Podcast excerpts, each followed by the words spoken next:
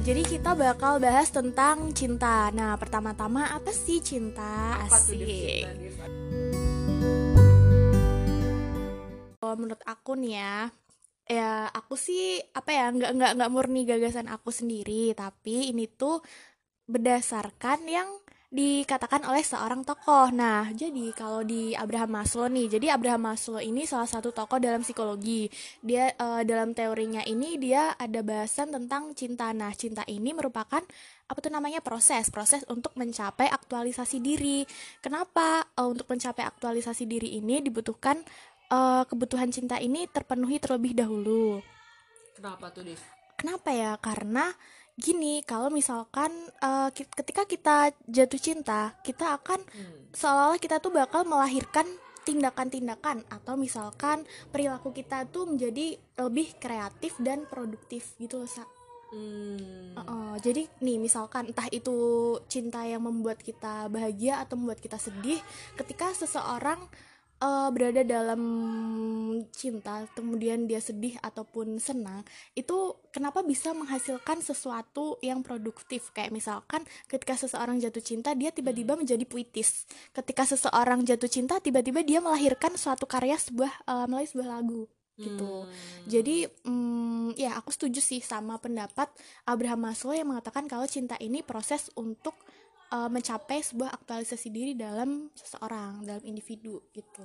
Sebenarnya sekilas saja Abraham Maslow ini siapa sih dia itu ya em, Hmm. salah satu psikolog yang teorinya itu paling paling terkenal itu tentang hierarki kebutuhan yang bentuknya kayak piramid Piramida. itu.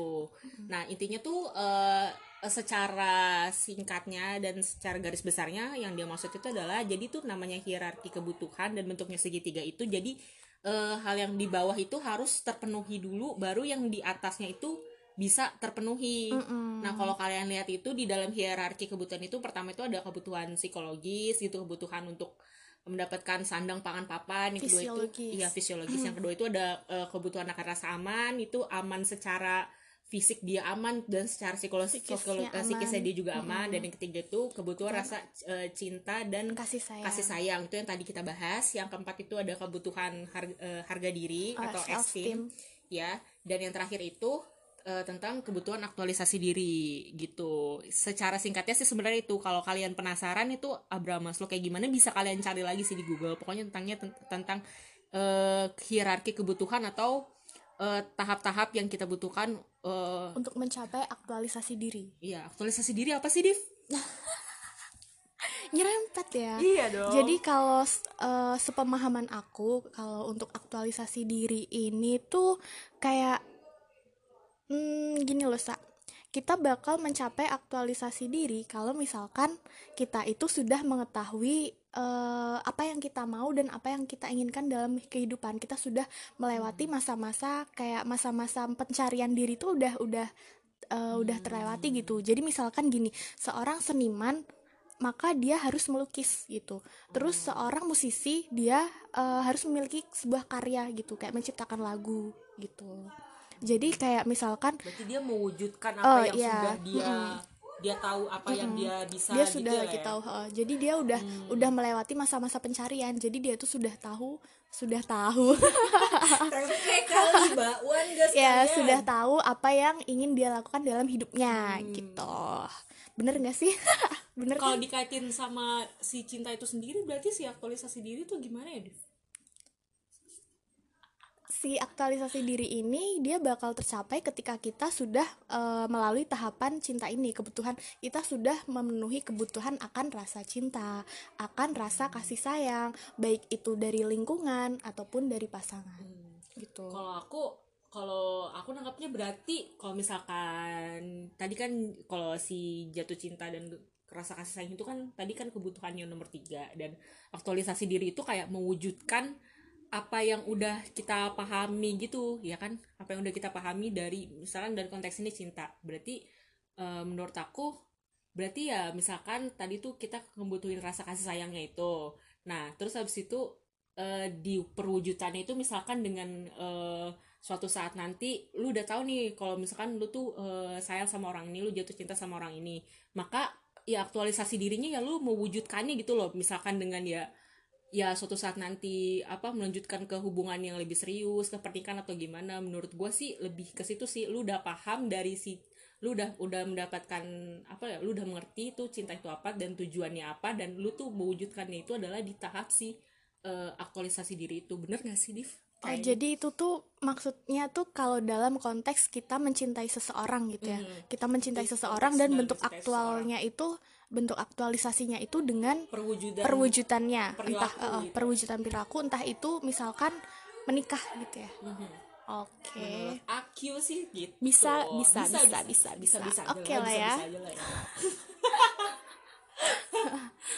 oke okay, jadi um, ada lagi nih sa kan katanya tuh ada apa sih segitiga cinta ya bener nggak tuh oh segitiga cinta itu hmm, juga hmm. Uh, ada lagi uh, uh, juga sama psikolog juga uh, kalau yang sekarang tuh uh, ya? toko psikolog toko psikologi juga namanya hmm. itu Stenberg nah hmm. kalau dia itu tuh punya teori tentang uh, segitiga cinta intinya segitiga eh, segiti, uh, intinya itu cinta itu terdiri uh, dari tiga mm -hmm. uh, unsur. Tiga unsur. Okay. Yang pertama itu adalah unsur uh, keintiman, intimacy. Intimacy maksudnya itu uh, kasih sayang atau kedekatan kamu sama orang lain gitu, kedekatan lo sama orang lain. Itu tuh bisa termasuknya ke dalam intimacy. Pokoknya kasih sayang secara keseluruhan. Emosi kali ya. Ya, emosi lebih ke ya kedekatan emosional antara hmm. satu dan yang lain lah Nah, terus ada lagi gairah-gairah itu uh. lebih ke lebih ke hasrat. Itu ya jadi yang nggak nggak apa ya, ya bukan hal bukan hal tabu atau gimana, pasti kalau misalkan dalam berhubungan pasti kalian uh. juga punya hasrat untuk ya gitulah, ngerti kan hasrat maksudnya gimana untuk ya ke sana memiliki gairah atau perasaan yang mengarah ke sana gitu. Ke sana ke sana tuh apa sih sa? Gairah seksual lah bisa dibilang kayak gitu. Nah yeah. dan satu lagi itu ada komitmen. Komitmen itu adalah uh, keputusan keputusan untuk uh, diri lo itu mau berada dalam suatu uh, ya hubungan, hubungan. dengan orang lain tersebut jadi intinya yang pertama itu ada keintiman itu uh, kasih sayang atau emosi lo keterikatan emosional antara satu sama lain lalu ada gairah mm -hmm. itu lebih ke hasrat seksual dan yang terakhir itu adalah komitmen atau keputusan lo untuk uh, memiliki hubungan antara satu sama lain itu sih intinya dari teori, teori Stenberg. Stenberg. jadi tuh uh ya, jadi tuh cinta yang dibilang uh, sebagai cinta yang sempurna yeah. adalah cinta yang memiliki tiga elemen tersebut yang, tadi, ya hmm, memiliki intimasi mm-hmm. memiliki juga gairah juga memiliki komitmen komitmen dan yeah. kalau misalkan ternyata tapi ada nih menurut Steinberg tuh dibagi menjadi uh, delapan pola oh, hubungan iya, ingat, ingat. delapan pola hubungan delapan, cinta uh, delapan nah jadi tuh intinya maksudnya delapan pola hubungan cinta ini mm -hmm. tuh ada beberapa cinta yang mungkin hanya terdiri dari salah satu komponen aja atau gabungan dari dua komponen dan yang enggak uh, belum tentu tiga-tiganya itu yang tadi ada, intimasi, oh. gairah dan komitmen itu ada. Yang pertama itu ada liking atau suka. suka itu pasti. intinya ya yang ada di sini tuh cuma uh, intimasinya aja. Jadi mm -hmm. tuh cuma perasaan cuma perasaan aja yang mm, ada. Cuma perasaan kayak mm.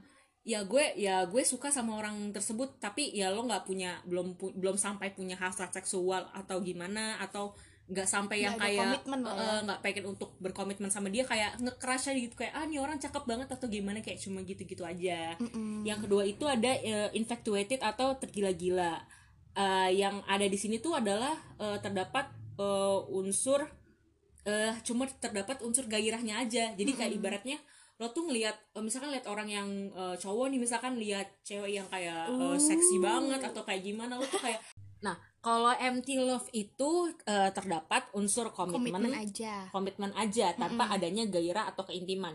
Misalkan gini, ada pasangan mereka tuh udah udah nikah lama banget gitu misalkan kayak udah 20 30 tahun dan mereka udah punya anak, udah yeah. anaknya udah besar gitu. Tapi uh, mereka tuh berada rasa cintanya, uh, rasa cinta hmm, atau uh, kasih sayangnya mereka tuh udah memudar, udah nggak ada lagi kasih sayang di antara mereka dan udah nggak ada kayak ibaratnya udah nggak ada nah uh, hasrat seksual antara satu sama lain pun juga udah nggak ada udah nggak sekuat dulu atau mungkin udah nggak ada lagi. Jadi mereka tuh ada di dalam hubungan itu cuma misalkan demi untuk anaknya atau cuma untuk ya ya udah untuk cuma ada komitmen doang tanpa adanya rasa kasih sayang atau atau Gairah. hasrat seksual yang mereka punya lagi gitu loh.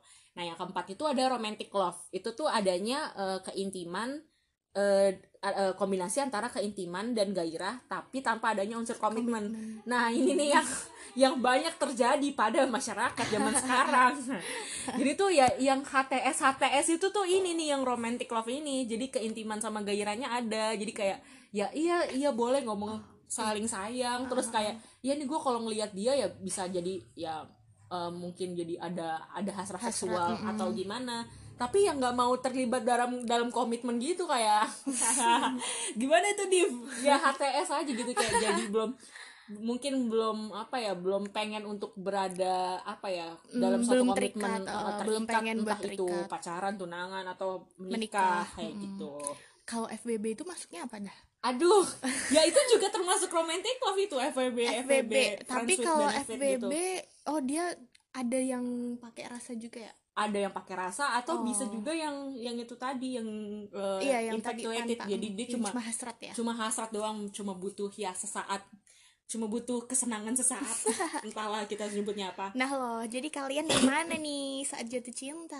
Itu baru empat ya? Oh ada iya empat lagi. empat Hmm, lagi sabar Oke. sabar terus ada uh, kom apa nih? Kom kompanionat love. Pokoknya intinya tuh uh, ada kombinasi antara keintiman dan komitmen tanpa adanya uh, unsur gairah. Jadi lo kayak lo uh, misalkan pacaran tapi kayak ya cuma lebih apa ya lebih ke ngerasain lo kasih sayang lo sayang sama dia lo berada dalam suatu hubungan tertentu dalam status Mm-mm. tertentu. Tapi lo nggak lo nggak merasakan hasrat seksual juga gitu. Mungkin kan bagi eh, kita orang Indonesia yang Iya. penuh dengan kebudayaan. Kita yang berkebudayaan emang nggak nggak selalu apa ya berkaitan sama sama si gairah tersebut kan. Maksudnya Mm-mm. kita tuh nggak nggak deket lah dengan hal-hal yang berhubungan sama hasrat seksual gitu. Jadi kayak mungkin masuk nih yang si yang kombinasi antara keintiman sama komitmen ini. Tapi kita juga harus ingat hubungan yang baik itu ya harus yang punya tiga tiganya gitu loh. Jadi ya hubungan jadi yang, eh, yang sempurna. hubungan yang sempurna jadi kalau misalkan cuma lo sayang sama dia dan kalian dalam komitmen bisa aja kayak lebih ke cinta tentang persahabatan gitu gak sih Hmm, bisa jadi tuh bisa. kayak jadi ya udah kalian tuh statusnya ya sahabatan dan eh, kalian tuh sayang satu sama lain tapi ya nggak ada hasrat nggak belum timbul atau nggak ada hasrat seksualnya gitu loh nah terus habis itu ada eh, ada ada fatus love artinya itu Fatus love. kombinasi Asik. antara gairah yaitu kombinasi antara gairah dan komitmen tanpa adanya unsur eh, keintiman pokoknya intinya tuh eh, ada ada gairah sama ada Oh. komitmen tapi eh, nggak ada kayak bener-bener lo tuh nggak nggak ada sayang gitu loh nggak ada nggak ada kasih Oh, sayang atau I bisa see. jadi bisa jadi gini lo pacaran sama bisa jadi jangan lo deh jangan lo kasihan banget lo mulu deh ada seseorang nih si si X nih si X ini dia Ya. pacaran sama seseorang tapi dia pacaran itu cuma untuk dapetin ya kebutuhan seksualnya terpenuhi aja gitu oh tanpa jadi cuman ada komitmen sama, Sama- oke sama iya, gairahnya paham, doang. paham. tapi dia tuh nggak ah gue sama cewek ini sebenarnya nggak sayang sayang nggak sayang gitu loh. Mesti gue tuh cuma Mm-mm. pengen ya memuaskan diri gue pribadi aja. Nah itu. Terus ada yang non love nah non love ini Uh, artinya serem. Oh non apa love nih? Dari Itu- namanya? Apa tuh dari namanya itu ketiga komponen cinta itu nggak Uh-uh. ada. Yang eh, jadi Uh, jadi, eh, terus? jadi tuh ya yang nggak ada nggak ada perasaan apa apa berarti. Terus? Non Iya, love. ya kayak ber- berhubungan antara makhluk sosial satu sama lain aja. Oke. Itu harusnya di pertama dong ya. Iya ya kenapa di ketujuh ini agak ngaco nih tulisan saya. Terus ada eh, consummate love. Yaitu artinya ya bisa kita sebut sebagai cinta yang paling sempurna lah ya. Yaitu kombinasi antara eh, ketiga unsur tersebut. Jadi itu ada si tadi intimacy lo sayang sama pasangan lo terus juga lo punya hasrat seksual sama Mm-mm. pasangan lo dan lo mau ada atau berkomitmen sama orang tersebut gitu dalam pokoknya memiliki hubungan sama orang tersebut jadi ya itu adalah cinta yang sempurna menurut Steinberg yang punya tiga komponen tersebut gitu dia Iya. kalau jatuh cinta itu ya itu kan takdir. Maksudnya oh itu itu tu- itu. Tuhan ya. Itu Iya. pokoknya datang dari dari atas sana lah. Kita nggak tahu nggak bisa nentuin. Tapi kalau lo memutuskan untuk ada di komitmen itu itu pilihan lo gitu loh. Untuk lo Iya, berada benar, dalam benar. suatu komitmen. Bener kok. Untuk lo memilih untuk apa setia atau tidak Setia itu juga pilihan. juga itu itu pilihan lo bukan karena bukan karena dari sananya atau gimana itu Iya, pilihan. bener. Buat Gitu. setia itu pilihan. Kayak loh kok ngomongin setia? Ya kan masih nyambung. Gak pokoknya pokoknya intinya gitu. Lo nggak bisa nentuin lo bakalan jatuh cinta sama siapa. Lo gue gue mau jatuh cinta sama dia sama dia nggak bisa. Itu memang datangnya dari sana dari Iya. dari yang maha kuasa atau ya kalau lo percaya tapi itu action kita yang selanjutnya perilaku Iya, kita itu perilaku- uh, uh. pilihan kita perilaku mau lo ngapain itu ya lo yang yang nentuin gitu tentang hal tersebut jadi kalau misalkan ada ada omongan soal ya cinta cinta tidak harus memiliki ya, ya gimana juga ya karena ya memiliki atau enggaknya itu kalau misalkan emang lo ya nggak nggak nggak punya apa ya nggak nggak memiliki keinginan untuk memiliki yang tadi gue bilang itu kan itu kan pilihan lo untuk memiliki atau tidak kan itu pilihan lo ya. balik Berarti ya- lagi heeh. ya ya enggak gitu tapi ya si cintanya itu ya lo nggak bisa nggak bisa menghindari lo jatuh cinta sama siapa gitu sih kalau Iya, menurut intinya aku. adalah kita bisa eh, cinta itu kita nggak bisa milih, tapi action kita untuk Iya. selanjutnya itu yang kita milih kayak oh ya boleh nggak kalau kita nyerempet ke ini kan ini masih bahasan tentang cinta ya. Tadi kita udah tahu nih cinta itu apa aja sih? Terus macem-macemnya cinta yang tadi Mhm. ada delapan itu juga udah kita sebutin tak nah eh, oh ya tiba-tiba inget nih yang apa tuh yang dibilangin sama From ya? Iya from. Itu juga salah satu psikolog juga Eric Fromm oh Eric nah From. dia itu me- menyebutkan empat unsur dalam konsep cinta. Itu apa aja Div? Ada oh ya ada perhatian. Terus habis perhatian tuh ada tanggung jawab. Terus ada respect respect eh, satu sama lain dan adanya pengetahuan antar satu sama lain gitu ya. Hmm. Itu Jadi- jadi eh, cinta yang baik menurut From itu adanya memenuhi empat unsur ini. Keempat empatnya itu harusnya ada adanya perhatian adanya tanggung jawab adanya respect dan adanya pengetahuan antar satu sama lain. Hmm. gimana cinta itu bisa apa ya berjalan ya Mhm. Gimana cinta itu bisa berjalan dengan baik kalau misalkan salah satu unsur dari keempatnya itu tidak ada, misalkan tidak ada perhatian atau tidak ada tanggung jawab atau tidak ada respect satu sama lain dan atau tidak ada eh, saling pengetahuan antar satu sama lain. Hmm. Oh ya, eh, ada fakta menarik nggak sih? Kamu inget nggak nih? Seseorang seseorang yang bertahan bertahan Hmm. dalam hubungan itu rata-rata setelah disurvei itu karena mereka respect satu sama lain, mereka Hmm. menghargai satu sama lain gitu disusul lagi dengan perhatian kemudian Hmm. eh, rasa ada rasanya tanggung jawab dan ada rasanya pengetahuan antar satu sama lain ya? jadi intinya adalah apa ya yang tadi aku bilang itu cinta itu merupakan eh, proses seseorang untuk mencapai aktualisasi dirinya Mhm. gitu ya itu menurut Abraham Maslow jadi tahap-tahapan untuk eh, cinta ini merupakan salah satu tahap untuk mencapai aktualisasi diri nah yang tadi udah diomongin kenapa Hmm. sih cinta bisa eh, dikatakan bisa untuk merupakan salah satu tahap untuk mencapai aktualisasi diri karena saat kita merasakan cinta tersebut itu kita bisa produktif salah satunya Hmm. gitu terus tadi yang dibilang sama Esa cinta itu yang baik itu ada tiga ya Sa? memiliki tiga komponen yang pertama Mm-mm. itu intimasi yaitu kasih sayang antara satu sama lain terus memiliki gairah atau hasrat seksual satu sama lain dan Mm-mm. juga memiliki komitmen gitu. Jadi bukan yang yang HTS HTS itu jadi tolong diminta kepastiannya teman-teman. Kalian jangan mau digituin terus ya. Tapi ya kita boleh meminta kepastian tapi juga jangan menuntut. Kayak kita harus eh, apa ya harus mengerti juga keadaan pasangan kita gitu. Kayak misalkan siap. eh, aku mau nikah tahun depan gitu misal. Terus tapi pasangan ya nggak Ya. punya pasangan ini misal aja misalkan Misalkan. pasangan belum siap atau gimana gimana gitu jadi itu sih intinya dari pembahasan podcast ketiga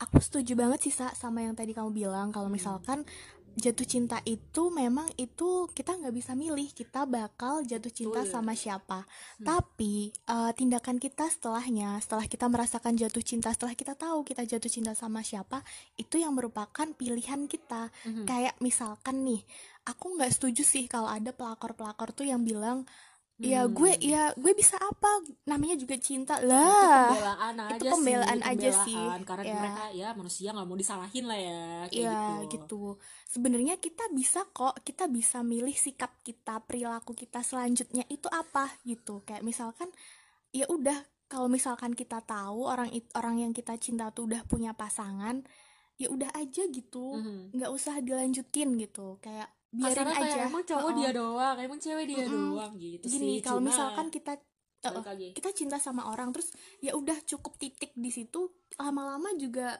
kalau gak kita tindak lanjutin nggak bakal kejadian ya sa Mhm. iya gak sih gitu terus ada lagi tuh ya pokoknya bagi lo yang pelakor Iya. pelakor atau lo kenal seseorang yang melakukan itu menurut gue ya sebelum lo lakuin itu ya lo hargain dulu lah diri lo sendiri masa lo maaf maaf aja ya serendah itu sih untuk melakukan perbuatan kayak gitu. Lo berpikir aja kalau suatu saat nanti hal itu kejadian sama lo atau orang-orang di sekitar lo kayak gimana gitu loh. Maksud gue kayak mungkin lo berpikir kayak ah selama janur kuning belum melengkung selama belum tentu nih si dia tuh bakal jodoh sama dia udah gue coba aja. Kan pikiran Oh, tidak. pikiran kalian kan kayak gitulah ya. Tapi ya gimana ya lo harus inget lo harus inget aja lo harus inget aja kalau misalkan lo tuh pertama lo nggak serendah itu dan yang kedua ya dan lo bayangkan aja gimana kalau misalkan hal itu terjadi ke lo sih.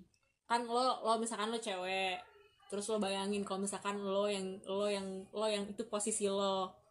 Lo yang cowok lo yang diambil gimana rasanya? Atau kalau lo cowok gimana kalau cewek lo yang diambil? Kayak lo belajar memposisikan diri lo jadi di posisi orang lain lah gitu Ya, jadi intinya kalau kita mau melakukan sesuatu itu kita renungi dulu bagaimana kalau kita yang ada di posisi itu gitu. Betul. Karena sebenarnya cinta ini tuh ya sesuatu yang indah ya, Sa. Iya gak sih? indah ya iya deh, Indah, ya. Ya indah dong karena Indah dia dong. juga merupakan proses buat mencapai Kalau dibalas indah. Loh, gini, kalau misalkan cinta yang tidak berbalas, Oke. biasanya orang akan menjadi puitis. Oh biasanya iya, bikin kata-kata. Nah, Hmm. itu menghasilkan sebuah karya dong betul betul, gitu betul. tetap ada nilainya kok tetap ada nilainya jadi tolonglah jangan merusak nilai-nilai cinta gitu udah ya segitu aja kayaknya Udah. podcast podcast kali ini lah ya aduh Udah. kita nggak blue banget ngomongin soal cinta iya tiba-tiba random Iya, ke dua- pelakor ya udah gitu aja pokoknya podcast podcast kita kali ini. Gak usah ditungguin karena yang lainnya belum tentu bermanfaat ini. Emang ini manfaat? Nggak juga. Udah dua jomblo pan pamit. Apaan sih? Ngeselin enggak. Daya Sadia pamit dadah. Aku juga dadah. Hmm